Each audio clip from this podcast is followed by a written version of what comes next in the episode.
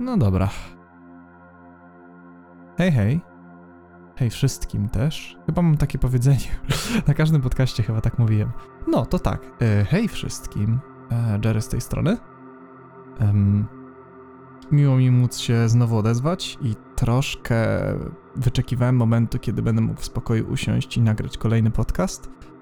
I okres okołoświąteczny jest na to jednym z lepszych. Więc em, miło mi móc się odezwać, tak jak mówiłem. I e, dzisiaj będę opowiadał o kolejnym albumie, który zajął trochę czasu i był naprawdę konkretnym wyzwaniem, e, wymagającym zarazem fizycznie, psychicznie, e, w kwestiach cierpliwości, e, nerwów, wszystkich związanych z tym procesem. Jest to na pewno. Jest to na pewno największe i najbardziej obciążające przedsięwzięcie, za jakie się wziąłem. I o tyle przykro, że właśnie chciałem, żeby to potoczyło się inaczej, ale wydaje mi się, że nie miałem pojęcia, jak to lepiej zrobić, jeśli mam być szczery. E, na Unstable dopiero wchodziłem w ideę solowego projektu i myślałem, że już e, ogarnąłem bardzo wiele spraw i w takim razie tutaj pójdzie wszystko dużo sprawniej, e, będę wiedział dużo lepiej, jak z różnymi rzeczami sobie poradzić i do pewnego stopnia tak było. Tak mi się wydaje, że do pewnego stopnia poradziłem sobie dużo lepiej i jak słucham tego albumu względem Unstable, to uważam, że w wielu kwestiach brzmi dużo lepiej. Natomiast e, na pewno, na pewno się przeliczyłem i na pewno przeceniłem to, ile potrafię, e, względem tego, jak bardzo zweryfikowała to rzeczywistość. A zweryfikowała momentami bardzo brutalnie. Album, o którym opowiadam, no nie ma ich dużo ogólnie, jeśli chodzi o ten konkretny projekt. Mowa o Esvanao, Świniao, Symmetry was never an option. Dużo nazw. Em, tak, e, mowa o Xeno. Myślę, że tego podcastu będą słuchać głównie jakieś pojedyncze osoby z grona moich znajomych, jeśli w ogóle. I może jakieś pojedyncze osoby, których jakimś nie znam i jakimś cudem napatoczyły się na album i jeszcze bardziej jakimś cudem przesłuchały podcastu, bo uznały, że dowiedzą się czegoś więcej z niego. I oh boy, wydaje mi się, że się dowiecie, bo uważam, że tak jak mówiłem już wcześniej, album jest dosyć skomplikowany i wydaje mi się, że narracja nie jest w nim bardzo jasna. Więc moim zdaniem wręcz konieczne jest wyjaśnienie wielu rzeczy. W kwestiach sztuki podobno nie można nikomu powiedzieć, że jest w błędzie, bo człowiek słyszy dane rzeczy w konkretny sposób. Natomiast ja miałem dosyć konkretną rzecz do przekazania tym razem. Myślę, że nawet dużo bardziej konkretną niż na Unstable. Tak jak może pamiętacie, te pojedyncze osoby, które słuchały albumu i podcastu. E, Unstable powstawało w bardzo dziwny sposób, gdzie nie do końca wiedziałem na początku, co ja piszę. Wiedziałem tylko, że chcę przerobić rzeczy, które mi do końca nie wyszły, kiedy robiłem Eternawkę, Eternum, ten poprzedni zespół, który miałem, czy też projekt, cokolwiek to było. Próbowałem naprawić pewne rzeczy, które rozważałem albo jako błędy, albo jako nie najlepiej podjęte decyzje, albo jako może bardziej em, coś, co stało się nagle bardzo moim, moją osobistą rzeczą i nagle nie musiałem zadowalać innych. To też jest temat, o którym sporo rozmawiałem ze znajomymi, tłumacząc im w ogóle, dlaczego robiłem różne decyzje tak, jak robiłem, jeśli oczywiście byli zainteresowani e, tym, dlaczego podejmuję tak decyzje. I, I nie wiem, czy to powiedziałem ostatnio, ale może warto w takim razie to sprecyzować.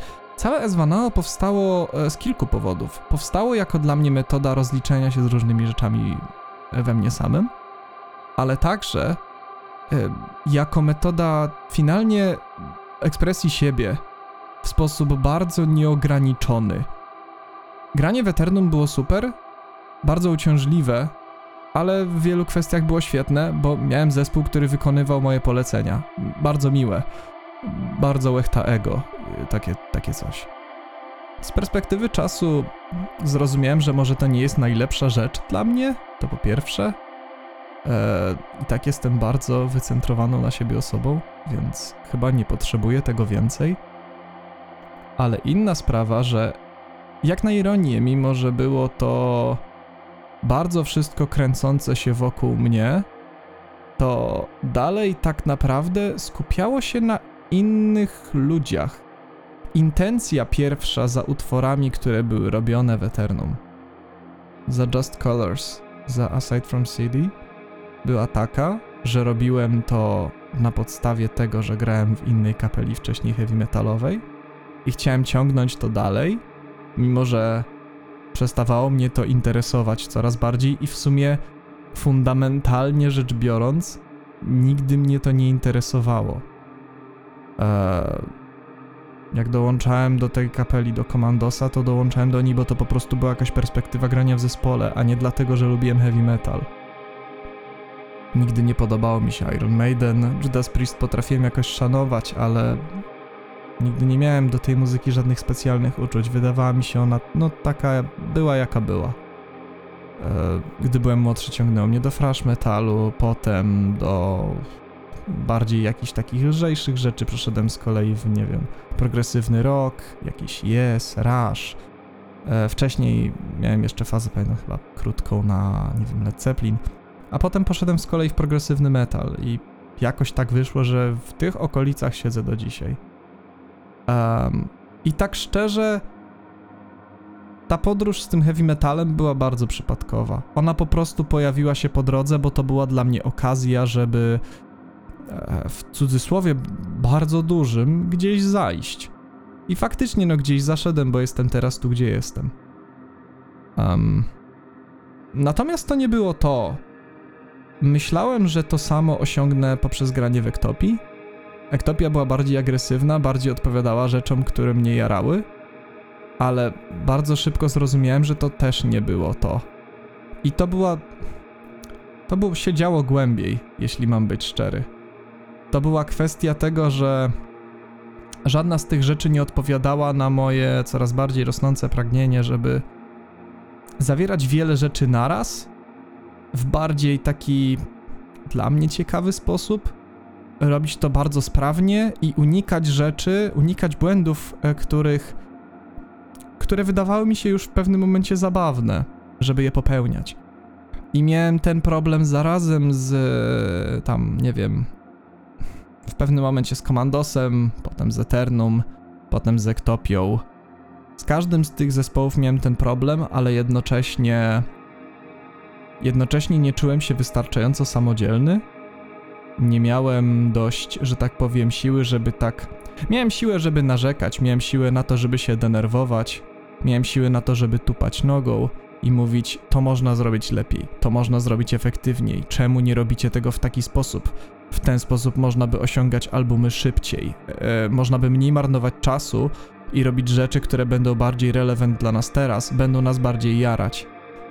Po czym zrozumiałem, że mówię tylko za siebie, to jest pierwsza sprawa nie mówiłem w ten sposób za chłopaków, e, czy z Eternum, z Commandosa i bardzo, czy z Ektopii.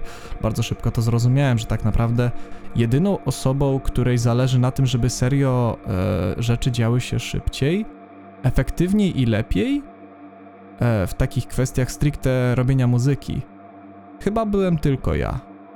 E, zawsze pamiętam przynajmniej jak przychodziło do rozmów na te tematy, to spotykałem się z bardzo podobną reakcją, czyli um, jak proponowałem jakieś rozwiązanie, to wszyscy patrzyli na mnie bardzo wyczekująco, że od razu je zrobię. I pamiętam, że w Eternawce najpierw zaczęło mnie to niesamowicie denerwować. I no inne tam rzeczy były. Mam o tym cały podcast związany z Just Colors, całkiem nieźle tam tłumaczę te rzeczy. Um, jakby co ta dygresja gdzieś zmierza, wbrew pozorom. Um, Natomiast nawet po rozwiązaniu Eternawki no właśnie doszło do. Dalej zrobiłem, dokończyłem jeden album, zrobiłem jeszcze epkę, ale dalej czułem, że to nie jest to i bardzo to czułem po Aside from City. Że robię coś, co kompletnie już mnie nie interesuje, że najbardziej interesującymi utworami stamtąd był tak naprawdę. była Pani Jeziora i był samotny dom, dlatego, że mogłem dać, tam dać bardzo dużo swojej interpretacji. I ten sam temat ostatnio wrócił. Mówię o tym dlatego, że to dalej jest właśnie związane z tym, że jak robiłem teraz Zwanao, robiłem Unstable. Nie powiedziałem tego w czasie podcastu Unstable, ale i może nie powiedziałem tego z kilku powodów. Teraz myślę, że mogę o tym wreszcie porozmawiać. Em, chciałem sobie wtedy udowodnić, że potrafię zrobić różne rzeczy, których się bałem. E, potrafię zrobić je samemu i potrafię zrobić je lepiej. I to był mój problem nie tylko z Eternum, gdzie nie mogłem, miałem ograniczoną ekspresję i nawet jeśli podsuwałem im kolejne pomysły i kompozycje i przesuwałem coraz bardziej barierę na swoją korzyść, dalej nie było to do końca to, co było dla mnie ekscytujące. Dalej była to, było to naginanie konwencji, a nie wyjście poza nią i robienie w mojej własnej konwencji. Em, I ten sam problem miałem z Ektopią, tylko że w przypadku Ektopii miałem ten problem, że bałem się, że ta fascynacja i zdolność robienia ciężkiej, agresywnej muzyki, że nie jestem zdolny robić tego sam. To był powód, dla którego długo trzymałem się z tym zespołem, ponieważ jarałem się ciężką muzyką, jarałem się agresywną muzyką, z którą nie chcę być niemiły, ale Commandos, Eternum miały bardzo mało wspólnego.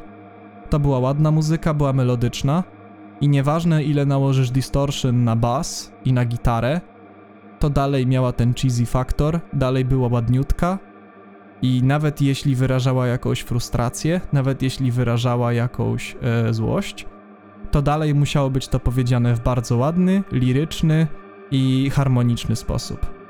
Co dla mnie jest kompletnie kontrintuicyjne. Jest w duszy heavy metalu, ale nie jest to coś, czego ja szukam. E, I bardzo mi to uświadomiło słuchanie wielu kapel, zwłaszcza tak myślę Strapping Young Lad, które ma co prawda bardzo dużo właśnie e, harmonicznych zabiegów w bardzo ostrej muzyce, ale dalej ma też momentami taką absolutnie over the top bezlitosność. Coś, co stało się dla mnie fascynujące i nie tylko oni, tak samo Contortionist to miało i to było też niesamowicie dla mnie fascynujące, że to można tak robić. I Ektopia dostarczała mi ten walor, ale robiła to w sposób bardzo ograniczony. Zrobiłem Unstable w takiej formie, w jakiej je zrobiłem, dlatego, że chciałem uwolnić się i chciałem pokazać e, chłopakom wszystkim, wszystkim po kolei, członkom Komandosa, Eternum i Ektopii, patrzcie teraz. Zrobię to, co wy robicie, ale zrobię to lepiej. Zrobię to szybciej i zrobię to mocniej. Oczywiście nie chciałem ich tak bardzo przekonać, tylko raczej chciałem przekonać ym, ich personifikację w swojej głowie, bo oni mają na to wyjebane. I słusznie. To kompletnie nie powinno w ogóle wchodzić jakby... Nie powinno w ogóle ich to obchodzić. To jest dosłownie rzecz, którą ja trzymałem wewnątrz siebie. I wewnątrz siebie chciałem pokazać pewnym obrazom ich w swojej głowie. Patrzcie teraz, myślałem, że potrzebuję was do tego, dam radę zrobić to lepiej i dam radę zrobić to bez was. Pokażę wam, że umiem. Pokażę sobie przede wszystkim, że umiem to zrobić. I dopiero po czasie tak naprawdę zrozumiałem, że tak, e, zrobiłem to. Na początku miałem z tym problem, bo w podobnym czasie robiłem Madness z Sektopią. I na początku miksy Madness i tak brzmiała, bardziej mi się podobały. Dopiero z czasem zrozumiałem, że... Znaczy, na Madness nie podobało mi się wiele rzeczy, głównie to... O tym muszę nagrać kiedyś osobny podcast. Eee, mam nadzieję, że chłopaki się za to na mnie nie obrażą. Myślę, że nie. W sensie, oni wiedzą. Wielokrotnie z nimi gadałem o tym, co mi się nie podobało w nagraniach gitary, w nagraniach wokali. em, Co do miksów, e, nie mogę mieć pretensji do Wojtuli, bo robił co mógł. Robił co mógł, żeby wydostać się z bałaganu, który mu przysłaliśmy, więc e, hands down. Tu jest ok. Um, w każdym razie to była idea S2NAO. I to była idea Unstable. To była, pod, to była próba podsumowania czterech bardzo burzliwych lat i wszystkich rzeczy z tym związanych. Nie tylko epizodów depresyjnych, o których tam mowa w tekstach, um, ale muzycznie był to pewien manifest, że mogę zebrać wszystkie swoje zainteresowania. Tak jak Empath Devina, bo w sumie to była główna, główna inspiracja do zrobienia mojego własnego albumu, właśnie Empath i to jak ono wyszło. Mogę zebrać to wszystko i mogę zrobić to i mogę to zrobić bez innych ludzi. Mogę zrobić to samemu, co wiadomo, wyszło tak sobie, biorąc pod uwagę, że dalej potrzebowałem drobnej pomocy Balcera i to wynikało stricte z mojego lenistwa, niechęci do nagrywania drugi raz partii, na przykład do Wisdom czy do Stay. Um, ale tak, dalej. Był to manifest i uważam, że się udał. Co jest komiczne, patrząc na to, że tak naprawdę temat związany z, z tym, co poruszyło Unstable, rozwiązałem dużo, dużo później. Czyli dopiero niedawno na przykład stwierdziłem i zrozumiałem, że, że już osiągnąłem to, co chciałem osiągnąć i nie muszę grać w Ektopii. I nie chcę. I wynikało to zarazem z tego, że zrozumiałem, że mogę sam to zrobić lepiej dla siebie. Lepiej w sensie w moich, moich oczach. Nie mówię tu oczywiście i bardzo prosiłbym w ogóle, żeby nikt tego tak nie interpretował. Proszę pamiętać jakby, że ja wiem, że ludzie lubią myśleć, że jak ktoś tak mówi, to wypowiada się obiektywnie. I jeśli ja to mówię jako człowiek, to mówię to z automatu subiektywnie. Mówię to tak, jak ja to widzę. Czy obiektywnie tak jest, to mnie nawet nie obchodzi, tak szczerze. Em, pewnie nie jest, ale to jest okej. Nie ma być. To ma być w mojej głowie. Już widzę, że ten podcast będę musiał podzielić na dwie części, ale to nie problem. Może i lepiej. Um, byleby nie wypuszczać za długich epizodów. w każdym razie tak. E, Bardzo dobrze byłoby to wyjaśnić. To jest w sumie dobre, bo to jest też taka myśl odsiewnia. Te... Ostatnio zacząłem znowu czytać Harry'ego Pottera i tak, będzie, będzie tu się zdarzało. Zwłaszcza, że jakiś mój ziomek ostatnio zrobił tak straszny żart nawiązujący do tych książek, że myślałem, że mu jebnę za przeproszeniem. W każdym razie to miało udowodnić Unstable.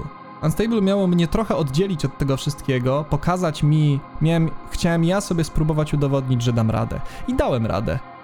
Natomiast potrzebowałem jeszcze roku, no roku, no, bo w 2022 dopiero zakończyłem robienie tego albumu i to wyszło na początku roku.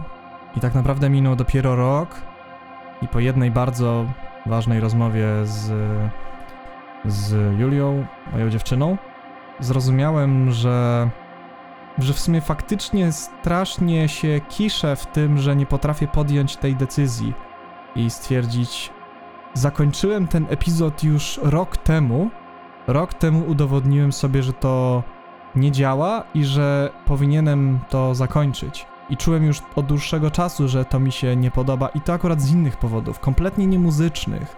Bo muzycznie nawet fajne rzeczy się działy. Bardziej chodziło tutaj o scenę, środowisko, jeśli mam być szczery.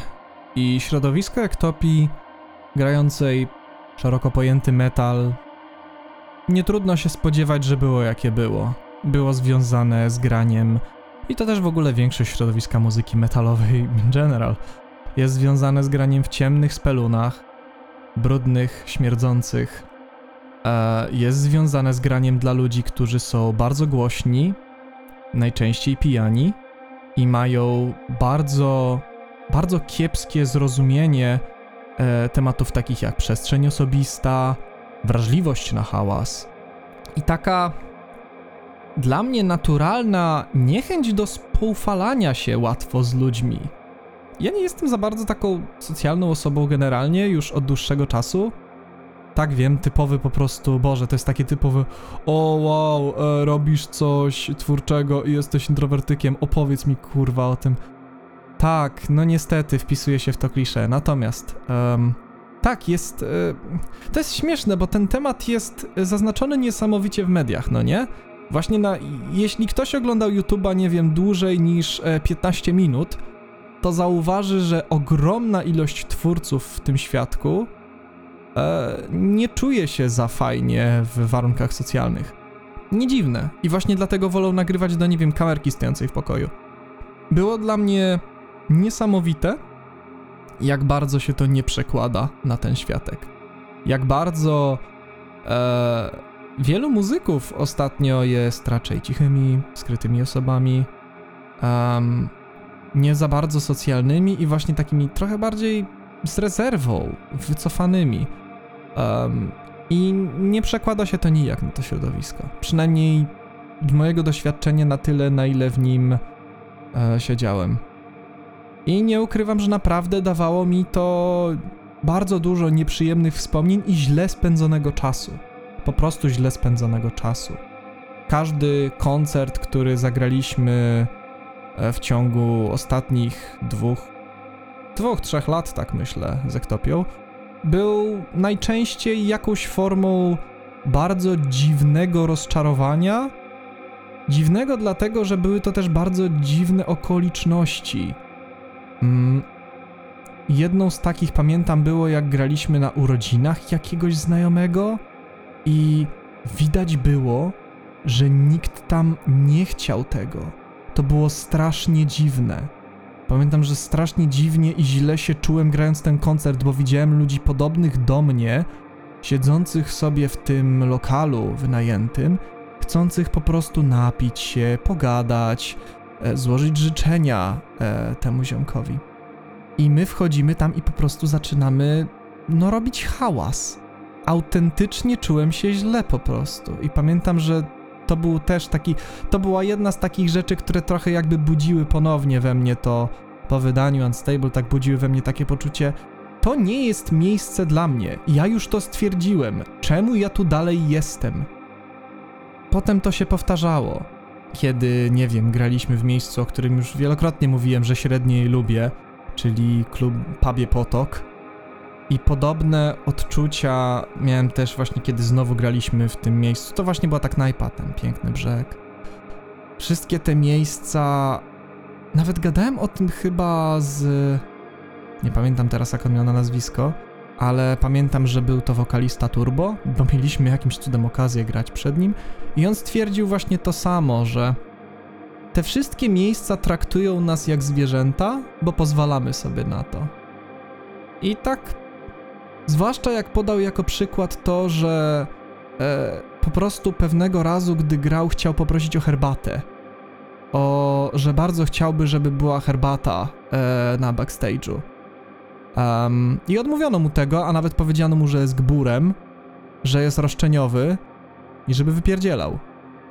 Co trochę jakby dotknęło dla mnie sedna problemu jednego, jednego z tych e, sedn problemu. Jedna rzecz to, że ludzie tak pozwalają siebie traktować i wynagradzają to sobie potem takim kopium, że ale przecież reakcje fanów były super, a liczą się tylko reakcje fanów. E, nieważne, że po prostu jesteś traktowany jak zwierzę, nieważne, że grasz w miejscu, które każdemu rozsądnemu i przytomnemu człowiekowi sprawiłoby dyskomfort. Każdemu człowiekowi, który nie wypił po prostu więcej niż litra wódki. Tak, to te rzeczy ewidentnie mi przeszkadzały już od dłuższego czasu. I ostatnio ta rozmowa właśnie bardzo pomogła i mogłem wreszcie stwierdzić, dobra, e, pora to zakończyć. Pora wreszcie to przerwać i stwierdzić, wystarczy. E, Już osiągnąłem to, co chciałem, i teraz ten album, kiedy właśnie robiłem ten album, kiedy robiłem Xeno, zrozumiałem tym bardziej, że to naprawdę już nie jest potrzebne. Że nie potrzebuję tego muzycznie, że realizuje się dużo bardziej studyjnie, że naprawdę warunki koncertowe chyba też bardzo mi pokazało to, kiedy dołączyłem do Metafoxa i zrozumiałem, że naprawdę da się lepiej, że mogliśmy grać na fajnych, stonowanych festiwalach, w ładnych salach dla ludzi, których nie było dużo, ale to nie było ważne. Byli niesamowicie życzliwi. Potrafili podejść, kulturalnie zagadać. E, nawet jeśli byli, nie wiem, w tym awkward, bo nie, nie byli jakoś, nie wiem, uzdolnieni specjalnie so- socjalnie, to czuło się od nich takie. Tako, taki genuine szacunek. Że po prostu, o, fajnie, że zagrałeś. I fajnie, że mogłem to zobaczyć. e, zapewniłeś nam dobrą rozrywkę. Bo to jest rozrywka, no nie ukrywajmy tego przed sobą. I chyba to będzie tak. To było niesamowicie długie wprowadzenie, co? Na pewno będę musiał wydać jeszcze to w dwóch epizodach. Ale tak, zaznaczę, nie ma problemu, zaznaczę to w timestampie jako wprowadzenie i może dopiszę tam, że właśnie jakiś taki rant. I może teraz przejdźmy tak naprawdę do tematu, do którego powinniśmy przejść. Czyli teraz postaram się opowiedzieć o po kolei o wszystkim, co się wiąże trochę z tym, o czym mówiłem wcześniej, ale bardzo nie bezpośrednio i nie jest to potrzebna wiedza, żeby zrozumieć kontekst albumu. Album, jak już wspomniałem trzy razy, nazywa się Xeno. E, opowiem o jego procesie tworzenia, o właśnie backgroundzie tego, co się działo w trakcie tworzenia, tego na podstawie czego on powstał, o różnych decyzjach, które podjąłem i o tym, jak e, wiele rzeczy powróciło, żeby, że tak powiem, nie ugryźć, mimo że proces był dużo sprawniejszy, to trochę przeciągałem strunę w wielu kwestiach. Nawet jeśli osiągnąłem w 90% to, co chciałem, no to dalej był to bardzo toporny proces i powinienem był poświęcić więcej czasu na ten album. Ale przejdźmy może w takim razie do kolejnego rozdziału, czyli kontekstu, że tak powiem, wydarzeń. Kontekst wydarzeń jest taki, że zacząłem pisać ten album dosłownie na fali kończenia Unstable. Dosłownie, kiedy skończyłem nagrywać ostatnie rzeczy do Unstable, i to był zgodnie z tym, co pamiętam, sierpień 2021 roku, zacząłem robić e, pierwsze motywy i pierwsze riffy. I pamiętam, że już wtedy chciałem, żeby był to mniej przypadkowy proces. Chciałem, żeby tak jak Unstable powstawało trochę samo z siebie, nie było do końca zaplanowane. Miałem bardzo podstawowy mglisty koncept w głowie, ale on tak naprawdę układał się sam. Dlatego może trochę czułem, że samemu się oszukuję, że to nie do końca było tym, czym powinno być, albo nazywanie tego koncept albumem było trochę oszustwem, bo koncept nie istniał od początku, powstawał powoli, tworzył się. I tak naprawdę on sam z siebie nabierał kształtu, a często ja czułem, jakbym po prostu skakał wokół niego, dodając rzeczy i patrząc, że o, to zaczyna wyglądać w ten sposób. Przy Xeno chciałem trochę bardziej jasno ustalić sobie cel. Chciałem wziąć bardzo konkretny temat, który nawiązywałby do tego, o czym Unstable mówiło, ale poruszał go głębiej, bo odniosłem też wrażenie, że Unstable, mimo że naprawdę był niezłym, moim zdaniem, e, jak na mnie, pokazaniem tego, jak przeżyłem te 4 lata i co czułem przez te 4 lata, to jednocześnie uważam, że pewne tematy zaledwie drasnął i nie dziwne. E, Potrzebowałbym dużo, dużo więcej czasu i musiałem, jak widać, zrobić kolejny album, żeby niektóre tematy poruszyć, a właściwie jeden bardzo konkretny temat, który przewija się przez Unstable, ale nie jest w nim głębiej poruszony, bo jest tylko elementem tamtego konceptu, a nie jego głównym tematem. Jest tylko elementem powodującym te problemy, ale nie jest e, tym, co definitywnie e, powinno być poruszone. Czasem mam wrażenie, jakbym gadał po prostu już z dupy w pewnym momencie. You get the point.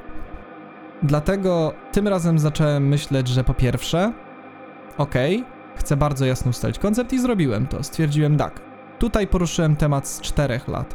Tutaj chcę poruszyć temat, e, który przewijał się przez no, co najmniej 10, tak myślę wtedy. I był to temat, e, który tak naprawdę, w przeciwieństwie do Unstable, w Unstable temat był ciężki e, i był trudny, że tak powiem, do ugryzienia, ale on sam z siebie trochę się tworzył.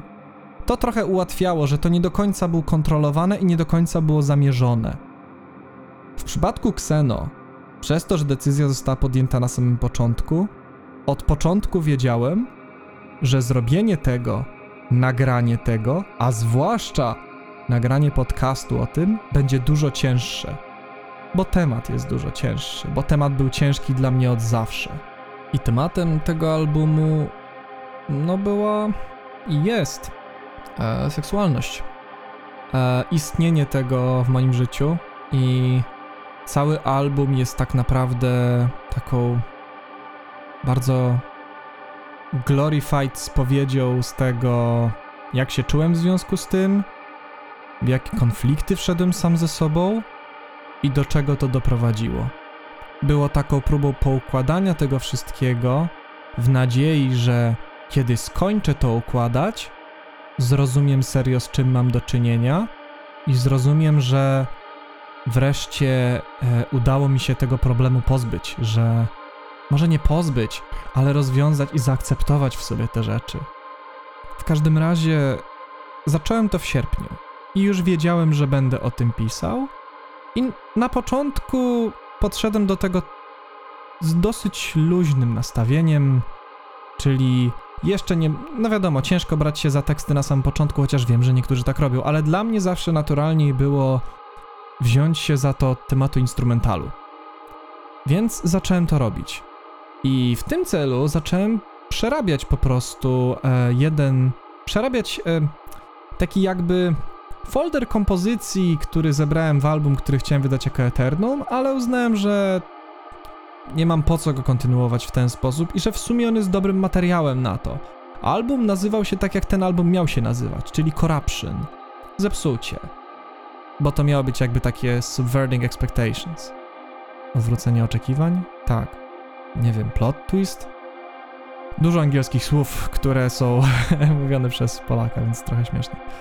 A w każdym razie w sierpniu zacząłem rozpisywać riffy i był to naprawdę fajny proces. Pamiętam, że mega dobrze to wspominam, że byłem wtedy świeżo niestety e, wywalony, ale raczej ja odszedłem z jednej pracy. Bardzo mi się ona już nie podobała i byłem w niej dosyć kiepsko traktowany. E, I szukałem nowej i na szczęście znalazłem nową dosyć szybko. Duży fuks, bardzo duży jak na lata rok 2021, czyli świeżo, że tak powiem, po głównych problemach z pandemią i dalej w sumie w trakcie jej. Ale tak, udało się i miałem wtedy miesiąc przerwy między jedną robotą a drugą. I uznałem, że z tego miesiąca wycisnę jak najwięcej i będę po prostu siedział i pisał, i pisał, i pisał. I to robiłem. Przy tym przypadku pisanie to tak naprawdę było siedzenie z gitarą i nagrywanie tych rzeczy. Pamiętam, że wtedy zacząłem robić rzeczy, kilka rzeczy naraz. Wtedy powstało Denial, większość Denial, wtedy powstało Gates, zalążki tych numerów. I od tego miejsca zaczęło iść to tak dosyć lawinowo. Pamiętam, że dosyć szybko przychodziły mi rozwiązania. Wiele rzeczy bardzo wtedy instynktownie mi przychodziło. Um, wiedziałem, że Denial ma mieć wstawki, które mają brzmieć jak, nie wiem, Gojira. E, że ma mieć elementy jak z niektórych albumów Meshugi że ma mieć nawiązanie do oryginalnej melodii, ale mają wykręcać, tak jak na Unstable w sumie. Bardzo podobny sposób pisania, czyli wziąć ładne albo bardzo typowo heavy metalowe motywy i nadać im twist związany z użyciem, cóż, ośmiostrunowej gitary oraz e, z nietypową harmonią, taką często celowo bardziej nieprzyjemną, albo po prostu niespodziewaną, zabierającą cię w trochę w miejsce, przynajmniej z perspektywy standardowego, standardowych rozwiązań harmonicznych, e, zabierająca cię w miejsce, w którym byś się nie spodziewał. I w ten sposób powstały właśnie rzeczy takie jak refren do Denial, jak wariacje main riffu. I to wszystko jakoś szło i tam było też dużo właśnie takich rozwiązań bardziej agresywnych, bo to mnie bardziej ekscytowało. Stwierdziłem, dobra, na Unstable to ledwo ruszyłem. E, Deeper Dive się tym zajmował, Recreate się tym zajmował, w Hatred było nawiązanie, w Unstable. Tak, były nawiązania i pojawiały się elementy, gdzie stwierdzałem, o, spróbuję to zrobić, bo to mnie ekscytuje. Tutaj uznałem, pójdźmy z tym na całość. Ale naprawdę na całość. Stwierdź, stwierdziłem, że koncept jest na tyle ciężki i wymagający, że uznałem, że żeby wyrazić tak intensywnie tak ciężkie rzeczy, trzeba naprawdę intensywnych emocji. To był dla mnie jakby jedyny sposób, więc Denial był świetnym tego, świetną tego pierwszą reprezentacją. I tak samo Gates. Potem dopiero e, ton trochę łagodniał. I tylko czasem, i tylko w związku z tym, że to też miały być elementy fabuły. Pamiętam, że proces pisania instrumentali szedł naprawdę szybko i układał się dosyć sprawnie. I bardzo szybko dotarłem do momentu, gdzie chyba w lutym miałem już większość e, instrumentala nagraną i rozpisaną, zaaranżowaną, etc., etc.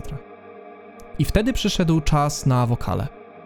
I nagrywanie wokali w tym przypadku na początku było niesamowicie trudne, bo dużo zapomniałem. Po prostu. Po prostu zapomniałem, jak się robi screamy, e, zapomniałem, jak się robi e, ładnie czyste wokale i kontekst harmoniczny Xeno był zupełnie inny niż Unstable. Zupełnie. Więc wymagał ode mnie użycia zupełnie innych rejestrów wokalnie.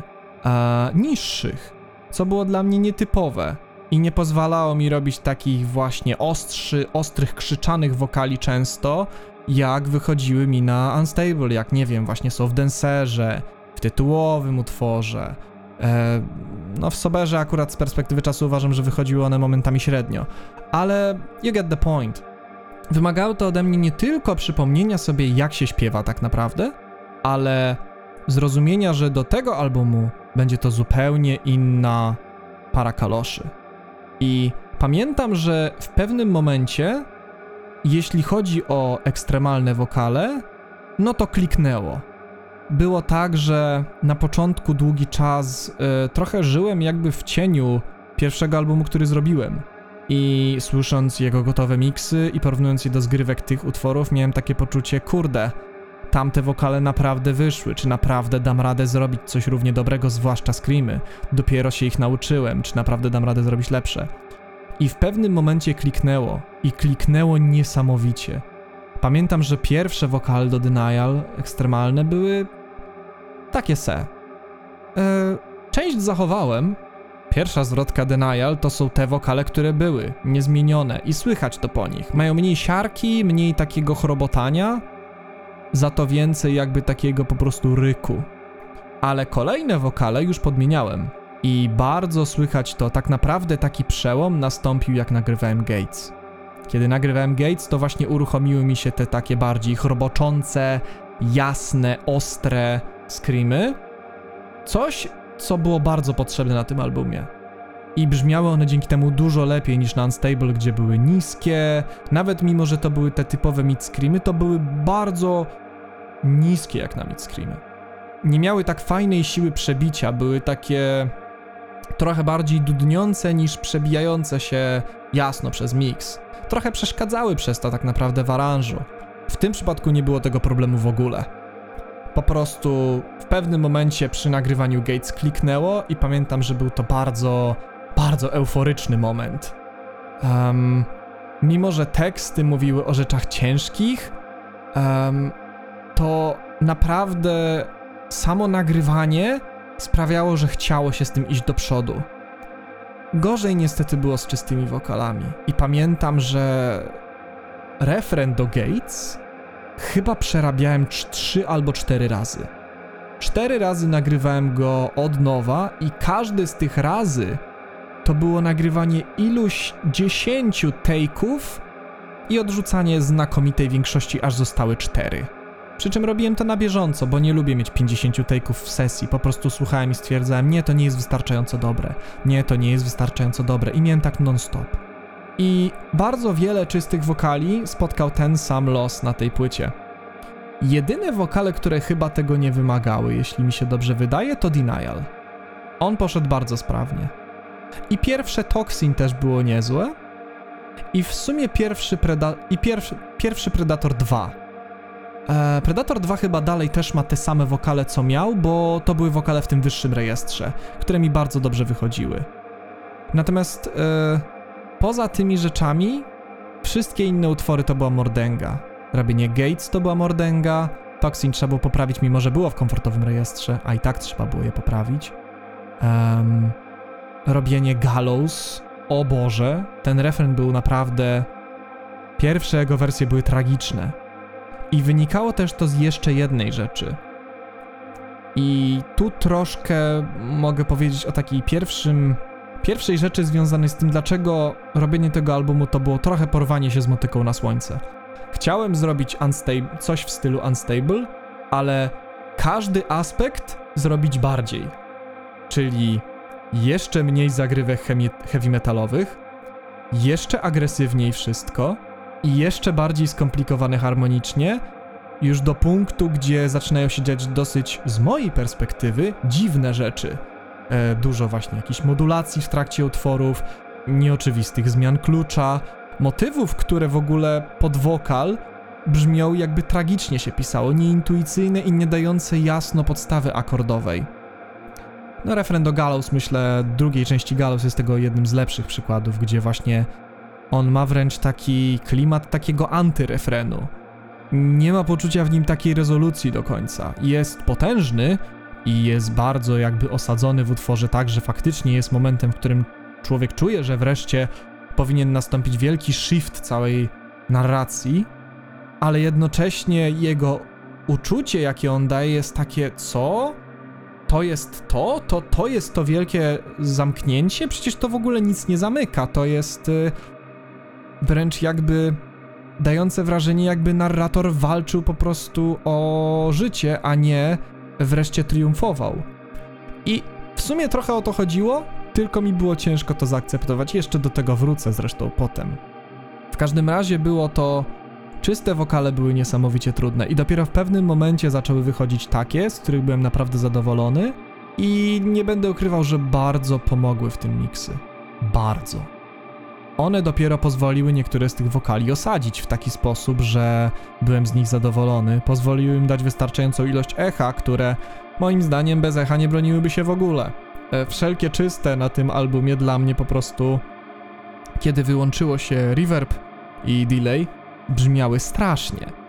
Ktoś mógłby powiedzieć, że były kiepsko nagrane, na co ja odpowiem, to jest niestety możliwe. E, jeśli mam być szczery, nie czuję się super pewnie w kwestii tych wokali, chociaż słuchając teraz tego albumu z perspektywy, słuchając go w czasie miksów, czy chcąc nie chcąc musiałem go wtedy słuchać, stwierdziłem, nie, nie jest tak źle. W sumie jest okej. Być może to właśnie to, że na Unstable mi poszło w wielu kwestiach, moim zdaniem dosyć dobrze, przyćmiło to na długi czas. I teraz dopiero zacząłem zauważać, nie, w sumie jest naprawdę okej. Po prostu zapuściłem się w miejsca, gdzie jako wokalista nie czułem się pewnie. No, można powiedzieć, to jest znowu to trochę klisze, że o, patrz, muzyk wyszedł, czy w ogóle twórca, artysta, nie wiem, cokolwiek, wyszedł ze strefy komfortu i wyszły mu nietypowe rzeczy i nie wiem, tutaj akurat się nie dodaje zazwyczaj tego, że nie wiem, ktoś mówi, że zazwyczaj z tego wychodzą lepsze rzeczy. Nie wiem, czy one są lepsze, e, miksowo i na pewno są lepsze i brzmieniowo, e, ale czy wokale per se są lepsze? Screamy tak. Co do czystych, ciężko powiedzieć tak szczerze. I myślę, że nie będę tutaj bardzo szczegółowo podchodził do właśnie kwestii takich jak związane z nagrywaniem. Wydaje mi się, że wyjaśniłem tak naprawdę, jeśli chodzi o wokale i instrumenty, nie ma za bardzo czego poruszać. W sensie pewnie przy konkretnych utworach głębiej opowiem o konkretnych motywach. Um, pamiętam, że używałem trochę mniej elektroniki niż zwykle. Um, przynajmniej w niektórych numerach. W niektórych jest tego w cholerę dużo, z kolei takich jak Toxin czy nie wiem, Gallows. I nie wynikało to do końca. To nie był do końca celowy zabieg. To też było. To znowu jest ten syndrom unstable, że rzeczy wskakiwały same na swoje miejsca. Um, przez to, że bazowałem na starych kompozycjach, w wielu miejscach miałem gotowe MIDI do elektroniki i używałem go. W wielu miejscach go nie miałem. A w niektórych miejscach miałem, ale nie użyłem. więc to tak naprawdę mamy wykreślone wszystkie rzeczy z bingo, więc to nic nie mówi. Ale w Toxin na przykład stwierdziłem, że idealnie pasują i zostają. W Predatorach, gdzie oba te utwory były wzorowane na starych o, um, odpowiednikach, nie użyłem tego trochę przez transpozycję, trochę przez to, że mi się nie chciała, trochę przez to, że zrozumiem, że nie pasuje. Um, w Gallows użyłem i w Denial bardzo pasowało. Ale na przykład Gates było praktycznie całe pisane od zera od nowa, jako bardzo świeży numer. I podobnie Hollow. Te dwa numery. Hollow. No tak, oba mają jakby pewne pojedyncze motywy, których używałem w przeszłości. Gates ma chyba tylko jeden dosłownie. Eee, ale tak, nie potrzebowały tego przez to, albo raczej nie miałem w wielu miejscach pomysłu, jak tam osadzić elektronikę. Although w Hollow jest jej w sumie pełno i w Gates na ostatnim refrenie. Więc there you go. Coś to jednak było. Jak mi się chciało, to robiłem, jak uważałem, że jednak nie, to nie. nie ma chyba ku temu głębszego wyjaśnienia, jeśli mam być szczery. I myślę, że tutaj możemy przejść do kolejnej rzeczy, która. Propos tego, może też zaznaczę, że właśnie z jednej strony był to fajny proces do pewnego momentu. Było to naprawdę super, że wszystko szło naprawdę sprawnie i przez sierpień do lutego miałem ogromną ilość już instrumentala napisaną. Z perspektywy mojej własnej to jest bardzo wow, że udało mi się zrobić to naprawdę tak szybko. Bo przypominam, nie umiem grać na gitarze. Nagrywanie partii gitar w moim przypadku to jest tak naprawdę samplowanie jej. Um, I samo pisanie utworów. No, fakt, że zajęło mi to tak krótko, byłem wtedy pod wrażeniem, bo zwłaszcza z przyzwyczajenia do zespołów, w których zrobienie płyty zajmuje 3-4 lata, a tutaj udało mi się to zrobić w, nie wiem, 5 miesięcy. Całkiem nieźle. Um, natomiast niestety odbiło się to na mnie zdrowotnie w bardzo bolesny sposób. Czyli dosłownie w momencie, kiedy skończyłem te 26 lat, to nagle zaczęły mnie boleć plecy bardzo. I wynikało to z tego, że siedziałem i nagrywałem. I miałem po prostu bardzo siedzący tryb życia przez całą pandemię. Um, I dopiero wtedy zrozumiałem z takim o o trzeba się wziąć za to, bo inaczej będzie naprawdę źle. I na początku miałem z tym duży problem i przeżywałem solidne załamania nerwowe. Ciężko mi było się przyzwyczaić do tego, że nagle, nagle czułem jakby mi coś odebrano, no, jakbym nagle stracił sprawność w czymś, co było oczywiste. Nigdy nie miałem takich problemów. Doprowadziło to do wielu załamań, doprowadziło to do wielu nieprzyjemnych e, sytuacji życiowych i do tego, że zacząłem właśnie, no miał to też pozytywne właśnie wydźwięki, no bo zacząłem dzięki temu ćwiczyć. Um, po prostu ciężko było się przestawić, jeśli mam być szczery. W czasie, kiedy miałem te problemy z plecami, na szczęście już kończyłem nagrywanie. I wtedy musiałem przejść do. Nie musiałem w sumie. Wtedy przeszedłem do kolejnej rzeczy, jaką były chóry. I w tym przypadku chciałem podobnie jak na Unstable zrobić to, ale jeszcze lepiej. I bardziej. Wszystko miało być w tym albumie, miało być Unstable, ale bardziej. Bardziej agresywne, bardziej rozwinięte, bardziej harmoniczne i w takim razie chóry też musiały być bardziej. I bardzo mi się spodobało to, jak brzmiały chóry i jak udało mi się inkorporować je do albumu, ale dziewczyny słusznie zwróciły mi uwagę, że no, mogłem to zrobić lepiej, że w wielu miejscach one były tak osadzone, że w sumie nie dało się nawet ich. stawały się teksturą, a nie czymś, e, co miało tak bardzo własną tożsamość. I to była rzecz, z którą się bardzo zgodziłem.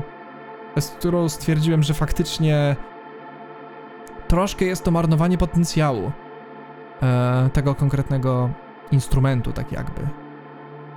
I tym razem, pisząc chóry, robiąc chóry, trochę one wychodziły on the spot, a trochę była to kwestia celowych działań, zależnie, zależnie od utworu. Um, ale tym razem skupiłem się na tym, żeby chóry robiły zupełnie na przykład inne rzeczy niż wokal, albo żeby robić więcej chórów w miejscach, gdzie wokal na przykład robi screamy. W ten sposób one dostarczały istotną informację harmoniczną, wokalną, w rejestrze wokalnym. W tym przypadku też e, było to całkiem fajne doświadczenie, choć momentami trudne. Pamiętam, że najpierw właśnie zgarnąłem, wiadomo, trzy dziewczyny, które mi wtedy pomagały, czyli Ludmiłę, Julię i Adelę. I pomyślałem, dobra, ale znajdźmy jeszcze jakieś osoby. Spróbujmy tego, z tego zrobić coś większego, żeby to może bardziej sprawnie działało. Udało mi się namówić na to. No, w ogóle do tego albumu e, namówiłem. Najpierw do tego albumu namówiłem jeszcze tak poza tym, może zrobię szybko dygresję, bo poza chórami miałem jeszcze jeden feature wokalny. Tym featurem był e, Rin. I Rin dostarczył mi naprawdę fajnie brzmiące screamy. E, I pamiętam, że już od kiedy on nam pokazywał różne zgrywki na takiej naszej grupce, to mi się to mega podobało. Jaką on ma manierę, że ma taką bardzo. Jego screamy były bardzo ostre i bardzo jasne. I miały taki. Miały taki momentami rozpaczliwy, bardzo. Mocno emocjonalny wydźwięk coś, co mi się niesamowicie podobało i coś, czego moje screamy totalnie nie mają. Nie, choćbym nie wiem jak chciał, mam duży problem ze sprawieniem, żeby moje e, wokale ekstremalne brzmiały w sposób bardzo poruszający. Raczej po prostu są brutalne. Robią bardzo mocne, ostre delivery, ale nie jest ono bardzo takie poruszające tym. Jest po prostu uderzające, ale nie poruszające. I Rin to miał. Rin miał to coś. Em, I robił to, jednocześnie robiąc po prostu screamy, które były świetną teksturą. Jego bardzo uniwersalne, bardzo uniwersalny wokal. Em, I tak też go starałem się użyć. Dlatego w Denial użyłem go w wielu miejscach w ogóle w postaci standalone. Że był sam, bez mojego wsparcia, bo lepiej pasował. A w innych miejscach świetnie wspierał chóry, tak jak w Gallows chociażby. W innych miejscach robił and response ze mną, tak jak w Hollow. W każdym miejscu, gdzie go osadzałem, było to świetne. I po prostu było to dla mnie niesamowite, że ktoś może przyjść, rozgrzać się, nagrać rzeczy i naprawdę nie było problemu, żeby po prostu dostarczył, dostarczył to, co trzeba. Em, bardzo mało pracy trzeba było, żeby wydobyć z niego to, co trzeba i żeby dał miksom to, co było im potrzebne. I propos Rina, możemy wrócić do chórów, ponieważ przez to, że Rin był w to zaangażowany, zainteresowała się tym no, tak bardzo łagodnie zainteresowała, nie chcę tak e, mówić rzeczy, które nie są prawdziwe, ale pewne pogodne zainteresowanie tym wyraziła jego dziewczyna, żona teraz już chyba, czyli Asia. I spytałem się Asi, bo ona mówiła, że chodzi na lekcję śpiewu, czy może nie chciałaby do takiego amatorskiego chórku się dołączyć. Zwłaszcza, że nie wymagałem nie wiadomo czego. Stwierdziłem, nie ma problemu. Przyjdź, że tak powiem, taka jaka jesteś. E, W chórze nie liczy się to, że jesteś, nie wiem, że nie jesteś jeszcze super wokalistką. Nie musisz być. Najważniejsze, żeby wszystkie głosy razem tworzyły potężny wydźwięk. I w ten sposób zebrałem e, Asię, zebrałem jeszcze Alicję, która wcześniej nagrywała solowe wokale do Unstable, do utworów takich jak Love czy Sober. I uznałem, że jej głos dużo lepiej usiądzie w chórze niż samemu. I faktycznie tak było. Em, pamiętam, że na początku próbowałem też zgarnąć do tego jeszcze, jed, jeszcze dwie ziomeczki. To była Natalia Rama i to była em, Paulina e, Jankowska, z którą, czyli ta szatan, z którą pracowałem na Just Colors. I pomyślałem, że o ile tam kompletnie się nie odnalazła, może w tym miejscu się odnajdzie. I pod tym względem na początku byłem całkiem zadowolony. Pamiętam, że najpierw dałem im bardzo prostą linię do śpiewania. To były.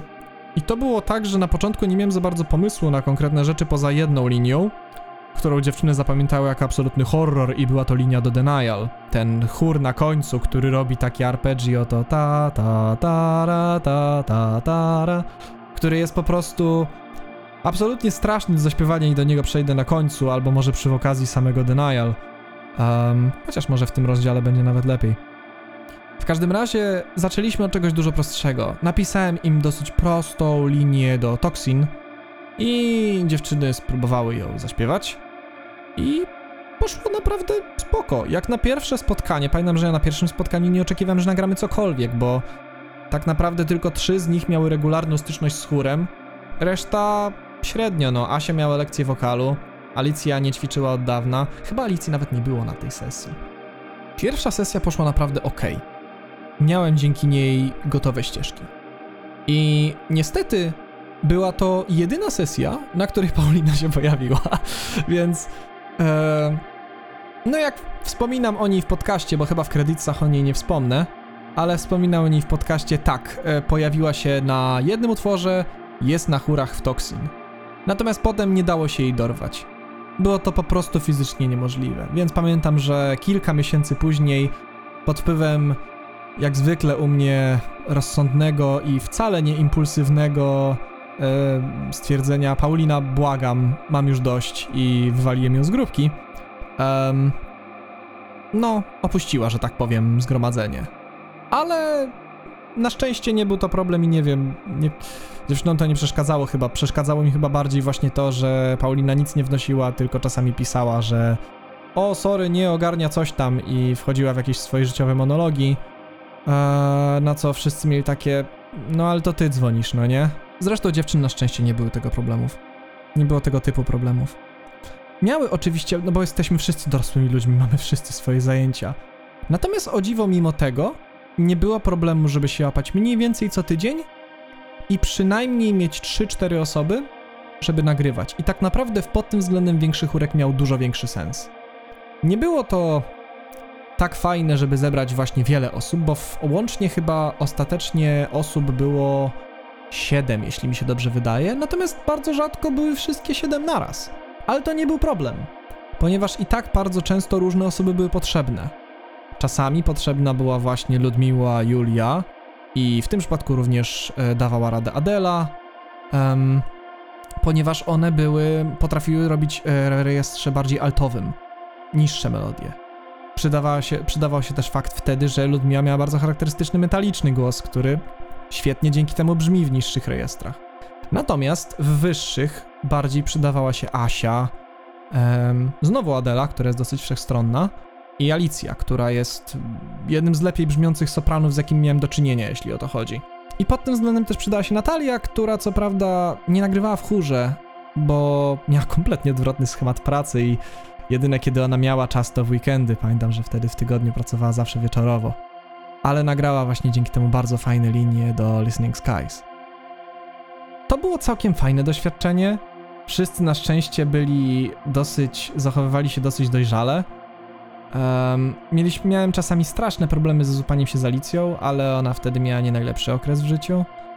Natomiast e, mimo wszystko było to naprawdę fajne doświadczenie, choć wiem, że było męczące dla wszystkich. Dla mnie, dlatego że miałem wtedy problemy z plecami i siedzenie długo, czasami 2-3 godziny i nagrywanie dziewczyn było dla mnie męczące, mimo że jednocześnie mi zależało. I przez to ja czasami robiłem się sarkający i gburowaty, kiedy nie udawało mi się osiągnąć rezultatów i czasami dziewczyny wpadały w dygresję albo nie wiem, coś potrafiło je czasami rozśmieszyć, co jest ludzkie, bo czasami rzeczy, które im puszczałem brzmiały tak absurdalnie, brutalnie, że aż śmiesznie, że nie dało się traktować tego poważnie i nagrywanie pod to czasami było dla nich komiczne. Albo czasami linie były tak napisane, że patrzyły na to i takie miały O Boże, znowu trzeba będzie robić U przez pół godziny? Jezu. I zwłaszcza, że głównie jak posłuchaliście albo jeśli słuchacie, posłuchacie potem albumu, zauważycie, że sporo linii nie ma słów. Sporo linii to jest A, U i jest bardzo dużo U. I pamiętam, że Ludmiła o to była autentycznie poirytowana, bo bardzo nie lubiła tej głoski. I chyba wszystkie dziewczyny jej nie lubiły. Więc to tak, taki śmieszny szczegół, no że momentami była przez to napięta atmosfera i momentami przez to wszyscy mieliśmy dosyć. To pamiętam. Ale tym bardziej byłem pełen podziwu i pełen szacunku dla dziewczyn, że chciało im się to dokończyć i że jak już dołączyły do tej inicjatywy, to kontynuowały. Ponieważ od samego początku im mówiłem, że nie muszą. Nie, nie ma takiej potrzeby, jeśli nie chcą, to nie ma problemu. Ja chciałem to robić, bardzo mi zależało na tym, żeby osoby, które robią to ze mną i dla rzeczy, którą ja robię, nie czuły, że robią to za karę. Bardzo mi zależało na tym, żeby robiły to z przeświadczenia, że one też same chcą to robić, że dla nich to też jest coś fajnego i że nawet jak sarkają i narzekają, to dalej jest dla nich ostatecznie fajne doświadczenie, które będą, mam nadzieję, w miarę dobrze wspominać i że będą chciały wrócić i nagrywać ponownie. Wydaje mi się, że nie ma co wiele więcej mówić o chórach. Może dodam, że w pewnym momencie dołączyły jeszcze dwie osoby, które sporo dodały fajnego.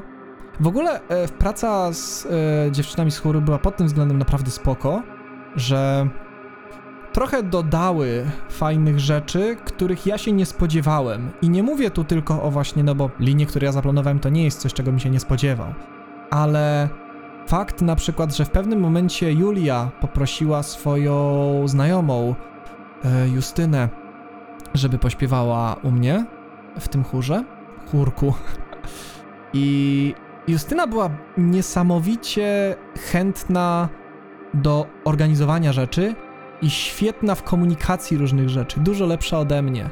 Potrafiła dużo lepiej ująć różne rzeczy i lepiej zorganizować dziewczyny niż ja bym był do tego kiedykolwiek zdolny. I bardzo pomagała mi przebić się przez różne trudne momenty. Najsłynniejszym chyba trudnym momentem pod tym względem, albo najbardziej dla nas i dla, ni- dla mnie i dla nich chyba takim zapamiętanym pewnie, no to była ta linia w Denial, gdzie była ona bardzo trudna i naprawdę nie wiedzieliśmy jak ją zaśpiewać bez brzmienia, po prostu jak bardzo rozstrojony chór, który bardzo nie potrafi trafiać w dźwięki. I to Justyna znalazła rozwiązanie, żeby rozbić to na dwa głosy. I ona znalazła też rozwiązanie, jak to dobrze rozbić na dwa głosy. Jest tak, że nawet jeśli ja to napisałem, to tak naprawdę, gdyby nie ona, to pewnie by się to nie udało. Nie inaczej Julia wpadła na naprawdę świetny pomysł, żeby właśnie zrobić. żeby użyć nie tylko żeński, zrobić nie tylko żeńskie chórki, ale w jednym numerze porobić e, formę męskich chórów, takich skandów plemiennych. I to było coś, co o ile na skandy ja wpadłem samemu, to chciałem je zrobić tylko z dziewczynami. Na co Julia stwierdziła, że nie, to jest absurdalne, stary, musisz do tego facetów zgarnąć. Tylko oni dadzą ci taką serio plemienną estetykę, niestety. E, I miała rację, i trafiła w sedno, i poprosiłem, mogłem dzięki temu poprosić znajomych. W tym przypadku był to Kredek, em, był to Krzychu i znowu Rin. No i razem z nim ja, razem z nimi ja, i do tego jeszcze była, pamiętam, chyba właśnie Asia, Julia. Nie jestem pewny, czy Ludmiła.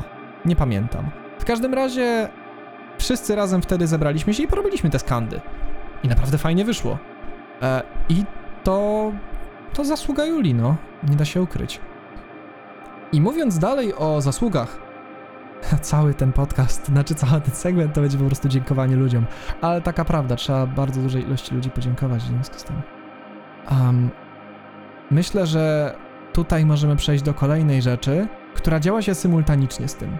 Symultanicznie z chórami, e, obok nagrywań, po nagrywaniu gdzie co prawda czasem jeszcze coś nagrywałem i pamiętam, że dodawałem wiele tekstur potem, ale pamiętam, że bardzo też ciężkim procesem i bardzo wymagającym było pisanie perkusji z Ardianem do tego albumu. Było to dużo bardziej wymagające niż Unstable, bo nawet jeśli ja troszkę lepiej pod tym względem, pod wieloma względami był to proces dla Ardiana łatwiejszy. Ponieważ w Unstable jedyne co Ardian dostał ode mnie to było napisane w GP MIDI, które w wielu miejscach bardzo źle się przekładało. I było pisane w sposób dosyć, e, no powiedzmy, że dziecinny i z perspektywy ewidentnie człowieka, który nie rozumie, jak działa perkusja czasem. Nawet jeśli brzmiały przekonująco, to Ardian słuchał tego, pamiętam i wielokrotnie mi mówił, no to brzmi kiepsko i zmieniał to na bardziej rozsądne rozwiązanie. Tutaj było podobnie, ale było dla niego łatwiej, bo może warto to w sumie dodać. W przypadku tego albumu byłem trochę lepiej przygotowany. I na podstawie Unstable zrozumiałem, że muszę się lepiej przygotować do pracy z Ardianem i w ogóle samemu dla siebie. Czyli nie, pro, nie oczekiwać, że Ardian zrobi wiele rzeczy za mnie, ale na przykład, nie wiem, chociażby musiałem kupić samemu bibliotekę Get Good Drums, żeby po prostu w nich pisać i móc dużo łatwiej wysłać Ardianowi gotową mapę i instrument i perkusję, która łatwiej było mu ją, że tak powiem, transkrybować na swoje, bo zobaczyłem mapping Ardiana i stwierdziłem, dobra, przepiszę go sobie. E, I dzięki temu, kiedy mu to wysyłałem, to nie było nagle poczucia, ej, czemu prawy i lewy crash biją w ogóle w randomowych momentach, czemu nie ma żadnej regularności. No bo człowiek to pisał w GP, a w tym przypadku już była. W tym przypadku już wiedziałem, że aha, tutaj trzeba dać prawego crasha, bo przecież prawy crash zazwyczaj jest tym, który jest po prostu rytmicznym, a prowadzący jest z lewej najczęściej. Ja wiadomo, nie zawsze. To jest bardzo duże uproszczenie, ale bardzo często stosowałem się właśnie do tych zasad. I bardzo to pomogło w pracy z Ardianem, choć dalej miał on dużo trudności. Materiał był dużo cięższy i dużo dłuższy. Um, dużo mniej ambientowych segmentów jakichś takich, a dużo więcej bardzo skomplikowanych partii perkusyjnych, które Ardian musiał przyjrzeć się im dosyć krytycznie i stwierdzić, no to jest takie średnie, tutaj bym zrobił inaczej, tutaj bym zrobił inne momentum i dzięki temu e, wiele rzeczy potem naprawdę, naprawdę fajnie zabrzmiało i Ardian wprowadził wiele fajnych pomysłów. Em, jednym z takich, tak mi się wydaje, dosyć istotnych, to było to, że Ardian wpadł na zrobienie gliczy, takich gliczowanych bębnów e, w Predatorze dwójce. To był jego pomysł i moim zdaniem świetne rozwiązanie. Um, I pamiętam, że on dorzucił jeszcze kilka takich rozwiązań. Dorzucił bardzo fajne właśnie patenty, bardzo fajne przejścia perkusyjne. W Otum tak naprawdę, no to jego perka robi bardzo dużą część numeru, jeśli mam być szczery. Zwłaszcza tą taką coraz bardziej robiącą się intensywną sekcję. To tak naprawdę jego sposób pisania sprawił, że ta sekcja naprawdę nabiera intensywności, moim zdaniem. A instrumenty, jak wiadomo, robią tam robotę taką, jaką robią, ale ale wydaje mi się, że serio to, że to po prostu cała sekcja staje się stabilnymi motywami, które narastają i w tle po prostu momenty są takie, jakby perkusista miał wręcz bardzo rytmiczne i bardzo siedzące w gruwie, ale solo perkusyjne. I pamiętam, że wtedy nie byłem bardzo pomocny dla Ardiana, niestety. I bardzo często mu mówiłem, że nie bardzo wiem, jak tutaj to napisać, żeby to zrobić. I często musiał mi proponować jedną rzecz, drugą rzecz, trzecią rzecz i dopiero wtedy stwierdzaliśmy, ok, to jest super, zostaje. Um, I było sporo tego i wydaje mi się, że bardzo go to wymęczyło ostatecznie. Niemniej, mimo że było to niesamowicie męczące i trudne, to uważam, że zrobił fenomenalną robotę, dorzucił mi wiele naprawdę fajnych rozwiązań i zwrócił mi uwagę na wiele błędów, które popełniłem, typu o, tutaj słychać, że pospieszyłeś się trochę z basem i z gitarami, weź to dorównaj do perkusji, bo to po prostu brzmi strasznie. Eee, o ile zależało mi na tym takim filu w miarę tego, że grają to ludzie, to jednak błędy, na które zwracał uwagę Ardian, nie były tego typu błędami. To były błędy, które po prostu słychać było, że brzmiały źle. I nieważne było, że grają to, czy grają to ludzie, czy nie, po prostu nie brzmiało to tak dobrze, jak mogłoby. Pod tym względem muszę mu oddać, że naprawdę zrobił fenomenalną robotę i był to naprawdę fajny proces. Naprawdę fajnie się to robiło, fajnie się siadało razem e, na dystans, on w Piasecznie, ja w Warszawie. I siedzieliśmy i dubaliśmy to, ale naprawdę były to fajne kole, tak jak przy Unstable, naprawdę dobrze to wspominam. Myślę, że nawet lepiej, tak szczerze. Nawet jeśli um, Arden wydawał się bardziej zmęczony tym razem, tym wszystkim i nie dziwię mu się. To był naprawdę ciężki album dla wszystkich, którzy nad nim pracowali. Przechodząc do ciężaru i ciężkiej pracy nad albumem, wydaje mi się, że możemy przejść do miksów. I oh boy, miks do tego to było. To była rzeź.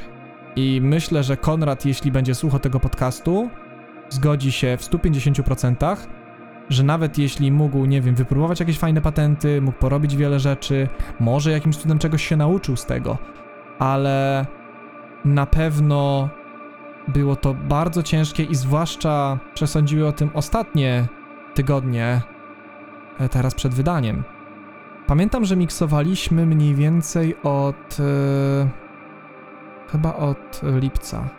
Tak mi się wydaje, lipca albo czerwca dosyć długo trwały. Ale to nie dlatego, że. Bynajmniej nie dlatego, i tutaj nie będę właśnie chciał, żeby ktoś się czepiał Konrada, bo pamiętam, że mówił mi, że miał straszne zawirowania życiowe, właśnie przeprowadzki. Nic fajnego. I tak mimo tego starał się miksować, mimo tego, że zmieniał co chwila pomieszczenie i musiał bardzo dużo robić na słuchawkach przez to, z wiadomo, z tą adaptacją. Nie pamiętam, czy on używa SonarWorksa, czy nie, ale na pewno miał jakiś e, system, który adaptował pomieszczenie i trochę wygładzał krzywą EQ jego słuchawek. Um, w każdym razie początki były ciężkie. Pamiętam, że nawet samo siedzenie nad tym jednym biednym Toxin było. było ciężkie. E, mimo, że naprawdę pierwsza wersja miksu, pamiętam, była dla mnie kompletnie nie tym, była pudłem, no, co się zdarza. Konrad zrobił coś, co myślał, że jego zdaniem zabrzmi fajnie, dla mnie było kompletnie odwrotnym od tego, co chciałem. Nie ma problemu. Drugi mix na przykład brzmiał już dużo lepiej. I potem szlifowaliśmy różne szczegóły.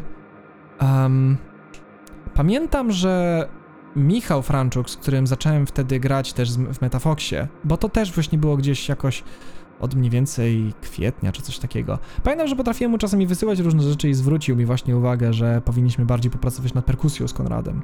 Żeby brzmiała bardziej, że jak gramy lekkie partie, to niech one serio brzmią lekko. Niech one brzmią wręcz jak jazz. Że naprawdę niech to, to doda realizmu. Będzie mniej takie metalowe, mocne, ale będzie dzięki temu bardziej ładne, realistyczne. I pamiętam, że pracowaliśmy nad tym, ale było bardzo ciężko to przekazać przez rewizję. Więc w pewnym momencie już uznałem, dobra, no nie ma co. Ale temat męczył dalej mi trochę głowę. Przy kolejnych miksach, kiedy robiliśmy wszystko dalej, e, pośród różnych formularzy poprawek. I pamiętam, że jakoś w listopadzie chyba Konrad zaproponował, że ej, a może spróbujmy takiej jednej rzeczy, stary. Ehm, spróbuj się ze mną dzwonić na kola w sprawie tych miksów i ja będę ci puszczał przez taką apkę te miksy e, bezpośrednio. I będziesz zdolny słuchać różnych rzeczy na bieżąco i być może nanosić poprawki. I mimo, że rozwiązanie nie było tak piękne, jakby się wydawało, i nie było to z powodu Konrada, tylko raczej problemy nad z samą apką i z połączeniem sieciowym, niemniej, no był to game changer. I pozwoliło to właśnie doprowadzić wiele poprawek do naprawdę świetnego stanu. Um, pozwoliło to wiele rzeczy naprawić i wiele rzeczy takich właśnie drobnych, cholernych szczegółów, które mnie, że tak powiem, trochę swędziały mi, mnie w czaszkę po prostu e, w czasie unstable, w czasie po unstable, zrobieniu go. To tutaj mogliśmy się im przyjrzeć. Mogliśmy je wziąć i stwierdzić, dobra, e, zrobimy tutaj jakieś drobne tweaki, tutaj wydobędziemy ten wokal. Tak naprawdę bardzo pomogło to w robieniu zarazem Denial. Tak naprawdę zrobiło ten numer. Eee, który zresztą pamiętam właśnie jak robiłem go z Konradem, to stwierdził, że to jest po prostu chyba jedna z najbardziej skomplikowanych rzeczy, jaką on robił. Na pewno ode mnie, nie wiem czy ogólnie. Um, zresztą no, te miksy naprawdę były dla niego. Pamiętam, że on dostał, jak właśnie dostał te miksy, to fakt, jak były niektóre rzeczy gęsto naciukane. Eee, no, Denial miał chyba. Zgodnie z tym, co pamiętam, miał chyba 114 ścieżek. Um, czyli dużo. Stanowczo za dużo. I wynikało to właśnie z tego, że były tam chóry, były tam synfy, były różnego rodzaju crunche, kliny, wszystko naraz, po prostu naćkane. No straszne, absolutnie szczerze straszny proces. I pamiętam, że dlatego siedział nad tym utworem niesamowicie długo. Wracając, em, bardzo pomogło to, te sesje, w których pracowaliśmy na tej apce, Sonobus ona się nazywała. Bardzo pomogło to w ustaleniu mm, wielu drobnych szczegółów i na początku myślałem, że tak naprawdę to pewnie zamknie w ogóle temat miksów bardzo szybko. Faktycznie, nie wiem, umówiliśmy się chyba na cztery takie sesje czy coś takiego i w tym czasie udało się nam zamknąć właśnie. E, udało się chyba więcej niż cztery. No, ale było kilka tych sesji. Wydaje mi się, że poniżej dziesięciu. I w ciągu tego udało nam się zamknąć mnóstwo szczegółów. Udało się zrobić właśnie bardzo wiele dobrych rzeczy w Denial. Udało się mnóstwo dobrego zrobić e, w Predatorze, w. Bardzo Gallows, pamiętam, na tym zyskało. Całe Gallows. Em, natomiast e, wtedy zaczęła się pewna rzecz, która była troszkę problematyczna z mojej strony. E, to jest, ja zacząłem, robiąc to z Konradem bardzo szczegółowo, zacząłem sam zwracać uwagę na różne szczegóły i niestety zacząłem bardzo widzieć, że przez to jak się śpieszyłem z albumem, a śpieszyłem się, i to wynikało z mindsetu, który miałem na samym początku, czyli ba, chciałem bardzo szybko, bardzo chciałem sobie i innym ludziom, a raczej wyobrażeniu innych ludzi udowodnić, że jestem zdolny robić albumy naprawdę szybko. I już powiedziałem o tym, że przypłaciłem to trochę zdrowiem, przypłaciłem to to, że bardzo mnie plecy bolały i pozytywny efekt jest tego taki, że zacząłem ćwiczyć, więc UPA. Natomiast miało to drugi efekt bardzo zły i niestety to się odbiło już nie tylko na mnie, ale również właśnie na Konradzie. To się odbiło na tym, że bardzo wiele tak jak chciałem tym razem zrobić też pod tym względem lepiej, że właśnie nie dosyłać żadnych ścieżek, nie robić żadnych poprawek e, w nich. I bo przy Unstable wysyłałem mu numer nu- po numerze i dopiero potem wysłałem mu wszystkie razem jako paczkę. W tym przypadku wysłałem mu paczkę jedną część albumu, potem drugą część albumu i potem jeszcze trzecią. I pamiętam, że po prostu w pierwszej było kilka numerów, potem chyba w ostatniej był jeden. Wydaje mi się, że w ostatniej był chyba tylko Denial albo tylko Gallows. Nie jestem pewny. Pamiętam, że potem niestety nie trzymałem się już. Myślałem, że już wtedy wszystko zamknąłem. Ale słuchając miksów, zacząłem rozumieć, jak bardzo miejscami puste są te aranże. Jak bardzo myślałem, że różne rzeczy zadziałają i nie działały. Nie tworzyły w mojej głowie takiego sensu, jakbym chciał. Więc zacząłem dosyłać różne ścieżki i zamieniać różne ścieżki. Wysyłałem Konradowi właśnie. I tak naprawdę to nawet nie zaczęło się ode mnie. Najpierw chyba zaczęło się to od tego, i to był błąd jakiś drobny.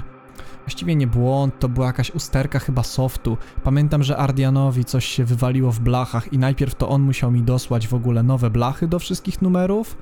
Trochę mnie to przeraża pod tym względem, że jeśli będę chciał wysyłać stemy znajomym, to będę musiał to wszystko skonsolidować do bardzo ładnie ułożonych sesji i troszkę mnie to przeraża, jeśli mam być szczery. Będę musiał pewnie znowu wszystko skonsolidować. Em, natomiast pamiętam, że właśnie najpierw był problem z blachami, potem ja zacząłem zauważać, że jest problem z wokalami. E, w wielu miejscach nie brzmiały one na dobrze. Brzmiały dobrze na zgrywkach i brzmiały dobrze w dawie, jak ja słuchałem tych swoich właśnie po prostu sum ścieżek. Em, ale jak słuchałem potem miksów, to miałem takie, o nie, nie, nie, nie, nie, nie, to brzmi źle, to nie jest to. I w takich aktach, e, no nie wiem, no to nie była jakaś panika czy coś takiego, po prostu to było poczucie bardzo źle wykonanej pracy przez samego siebie i w takim autentycznym wstydzie po prostu staram się jak najszybciej to naprawić, właśnie wysłać lepsze wokale, lepiej brzmiące. Pamiętam, że z Toxin tak było, w Toxin była podmianka, która potem w ogóle się powtórzyła i potem kazałem mu ją cofnąć, bo myślałem, że jednak tam to brzmiało lepiej i okazało się, że brzmiało gorzej, czyli gorzej. W pewnym momencie już wchodziła taka... Właśnie były te... Doda było dodawanie ścieżek, bo różne rzeczy nie brzmiały tak, jak powinny i było podmienianie ścieżek i było tego pełno. Było tego naprawdę dużo. Pamiętam, że to już było w pewnym momencie wchodziło to już w taką no taką delikatną paranoję, jeśli mam być szczery, z mojej strony. E, naprawdę i to Konrad to mógłby tak naprawdę on mógłby zebrać tak myślę co najmniej 50 jak nie więcej screenów mnie rozpisującego jakieś mnóstwo uwag i wysyłającego mu ścieżki, po czym usuwałem większość tych wiadomości, konsolidowałem do jednego pliku uwag i najczęściej do jednego linku z jakimiś ścieżkami. Mam nadzieję, e, Konradzie, jeśli słuchasz tego podcastu, że zamiast się wkurwiać, to zrywałeś boki ze śmiechu, bo ja uważam, że to, co ja robiłem, mogło być albo niesamowicie denerwujące, albo absolutnie komiczne. Jeśli mam być szczery, to lepiej chyba reagować na mnie z rozbawieniem w takich kwestiach, bo ja sam uważam, że jak ja się nakręcam w takich swoich po prostu paranojach, no to czy tego chcę, czy nie, no to muszę być w cholerę zabawny. Albo niestety, mam nadzieję, że nie, ale mogę też być pewnie w cholerę irytujący. Niemniej, jestem zdolny sobie wyobrazić, że to musiało być niesamowicie trudne dla Konrada, bo pamiętam, że nawet kiedy już wydawało się, że wszystko zbliżało się do końca, już poprosiłem go, żeby eksportował mi wave'y, to nagle wróciłem do niego e, z kolejnymi uwagami i musieliśmy jeszcze jedne, jeszcze chyba dwie, dwie albo trzy rewizje robić. I znowu go męczyłem. I tak wracałem i wracałem. I to trwało tak naprawdę do do wczoraj z mojej perspektywy. I dopiero dzisiaj rano wrzuciłem cały album i byłem pewny, że wszystko w nim gra i że wreszcie mogę to zostawić. Mam straszny problem z tym, jest to mój prywatny problem, że troszkę nie powiedziałbym, że nie wiem kiedy odpuścić. Raczej powiedziałbym, że nie wiem kiedy powinienem przywiązywać odpowiednią uwagę do rzeczy, które słyszę, a kiedy właśnie one już stają się absurdalnymi szczegółami. I miałem ten problem przy miksowaniu Gates, gdzie bas wydawał mi się stanowczo za głośny i musieliśmy go ściszyć.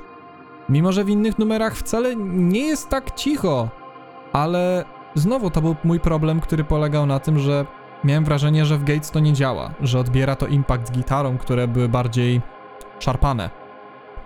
Em, natomiast e, w reszcie numerów to nie było potrzebne, bo zazwyczaj riffy były bardzo lejące się, albo bas był po prostu lepiej punktowo zagrany i już nie chciało mi się podmieniać ścieżki basu, tylko zostać przy tej, co była. Em, ciężko mi powiedzieć tak szczerze, czy to były błędy ze strony e, wykonu, aranżacji. Cholera wie, naprawdę. Em, ale na pewno było to ciężkie i na pewno było to bardzo, bardzo męczące dla Konrada i no niestety on też stał się ofiarą tego, że ten album po prostu na każdym na każdym po prostu związanym z jego tworzeniem musiał zostawić troszkę takie piętno.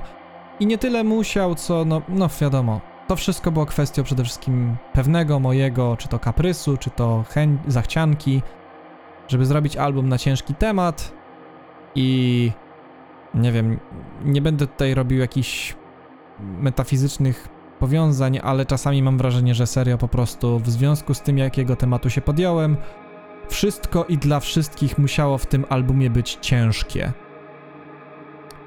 Propos ciężaru, znowu, Pamiętam też, że miałem na ten temat rozmowę, to może dorzucę jako dygresja. Miałem, pamiętam, rozmowę na ten temat y, z Julią, kiedy my mieliśmy trochę cięższy moment między sobą.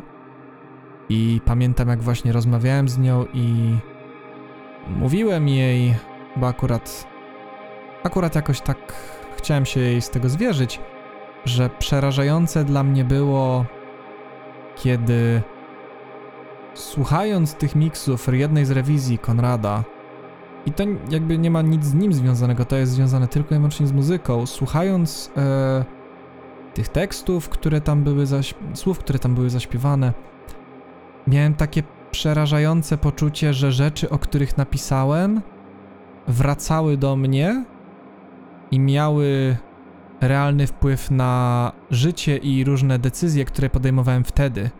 I to wcale nie było tak dawno temu. Chyba to była najbardziej przerażająca rzecz, bo robiąc taki album, robiąc coś tak ciężkiego i tak skomplikowanego, tak jak mówiłem, miałem nadzieję, że dotrę do sedna. Miałem nadzieję, że dotrę do sedna i miałem nadzieję, że wreszcie znajdę się w miejscu, gdzie wszystkie tematy z tego albumu staną się dla mnie przejrzyste. Tak jak przy Unstable, dlatego Unstable miało takie ładne zakończenie ponieważ wszystkie tematy, które tam zostały poruszone, już w trakcie nabrały sensu i stały się dla mnie na tyle bliskie i na tyle łatwe w przyjęciu, że nie miałem z nimi problemu. I kiedy wydawałem album, czułem się już w takim spokoju ze sobą. Kiedy już tworzyłem Wisdom, czułem się w spokoju ze sobą. W przypadku tego albumu wydaje mi się, że teraz i niedługo po tym momencie, kiedy miałem tą rozmowę z nią, też zrozumiałem, że jestem w tym miejscu. Było dla mnie po prostu niesamowicie przerażające, jak późno do niego dotarłem i jak głęboko byłem w procesie robienia tego albumu i dalej te rzeczy potrafiły wrócić.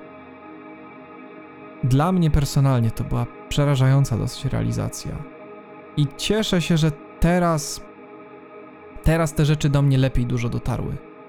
I mam nadzieję, że nie będę miał już takiego problemu z nimi, choć temat jest ciężki i temat y, na pewno nie jest w 100% rozwiązany. I to dlatego, że temat jest y, skomplikowany i myślę, że to zajmuje naprawdę wiele lat, żeby to wszystko ogarnąć.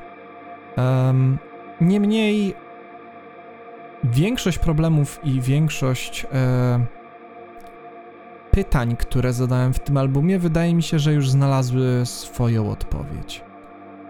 I wydaje mi się, że teraz w tym miejscu zakończyłbym tą część. Na trochę takim cliffhangerze, co prawda, ale boję się, że ten podcast zajmie naprawdę dużo czasu. I nie chciałbym go dawać w ten sposób w jednej części. Bo to myślę, że może nawet być 3 godziny.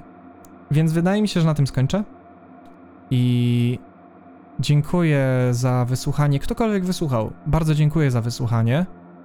Eee, jeszcze raz chciałem podziękować i przeprosić wszystkie osoby, które brały udział w tym projekcie. Pewnie jeszcze to zrobię potem, w drugiej części, ale już na pewno teraz chciałbym to powiedzieć i chciałbym, żeby to zostało i wisiało gdzieś właśnie w tym po, w pośród, nie wiem, rzeczy, które robię w tym podcaście. Żeby było zaznaczone, że to był naprawdę ciężki proces i mam nadzieję, że wszyscy, którzy brali w nim udział, mimo tego, jak bardzo był ciężki i wycieńczający, mają wrażenie, że było warto. Mam szczerą nadzieję, że tak jest, ale nie winię nikogo, jeśli tak nie myśli. Sam miałem momenty, gdzie już twierdziłem, że nie wiem, czy warto. To jest, myślę, że to jest w ogóle normalna rzecz dla ludzi robiących jakąkolwiek sztukę. Że biorą się za rzecz tak trudną i tak bliską im, że ciężko już im powiedzieć, czy ta motywacja, która ich pchała do tego na samym początku, jest wystarczająca, żeby usprawiedliwić wszystko, co się wydarzyło po drodze. Mam nadzieję, że wszyscy, że dziewczyny, które nagrywały chórki, um, że Konrad, że Ardian, że wszyscy mimo wszystko nie będą tym aż tak, e, nie byli tym aż tak zmęczeni i że jak album wyjdzie w całości, zresztą no Ardian akurat słuchał, e, bo prosiłem go o trochę komentarzy właśnie co do tego, ale mam nadzieję, że każde, każde z was, chociaż nie wiem czy słuchacie, e, nie jest tym aż tak, e, że, że jednak mimo wszystko potra- będziecie potrafili spojrzeć na to z zadowoleniem i że nawet jeśli macie do mnie, no mm, każdy z was ma prawo mieć do mnie solidne pretensje, e, to, że mimo wszystko będziemy chcieli ze sobą jeszcze współpracować potem. Na tej nucie chciałbym zakończyć i życzyć wszystkim e, pogodnej pory dnia, w której tego słuchają. Dla mnie jest to głęboki wieczór. I słuchajcie, do następnego razu. Następnym razem też ja spróbuję do tego usiąść innego dnia, może mając trochę lepszy mindset. E, spróbuję opowiedzieć o albumie, utworach po kolei i hopefully uda mi się to zrobić w naprawdę rozsądnym czasie, mimo że moim zdaniem historia jest troszkę jest prosta, ale zarazem skomplikowana. No, miejmy nadzieję, że to wszystko się uda zrobić w rozsądnym czasie i może nawet zajmie to mniej niż ten podcast. Dobra. Słuchajcie, trzymajcie się i do usłyszenia następnym razem, pewnie niedługo. Jeśli wrzucę ten podcast, to pewnie następny będzie tydzień później. Tak myślę. Trzymajcie się.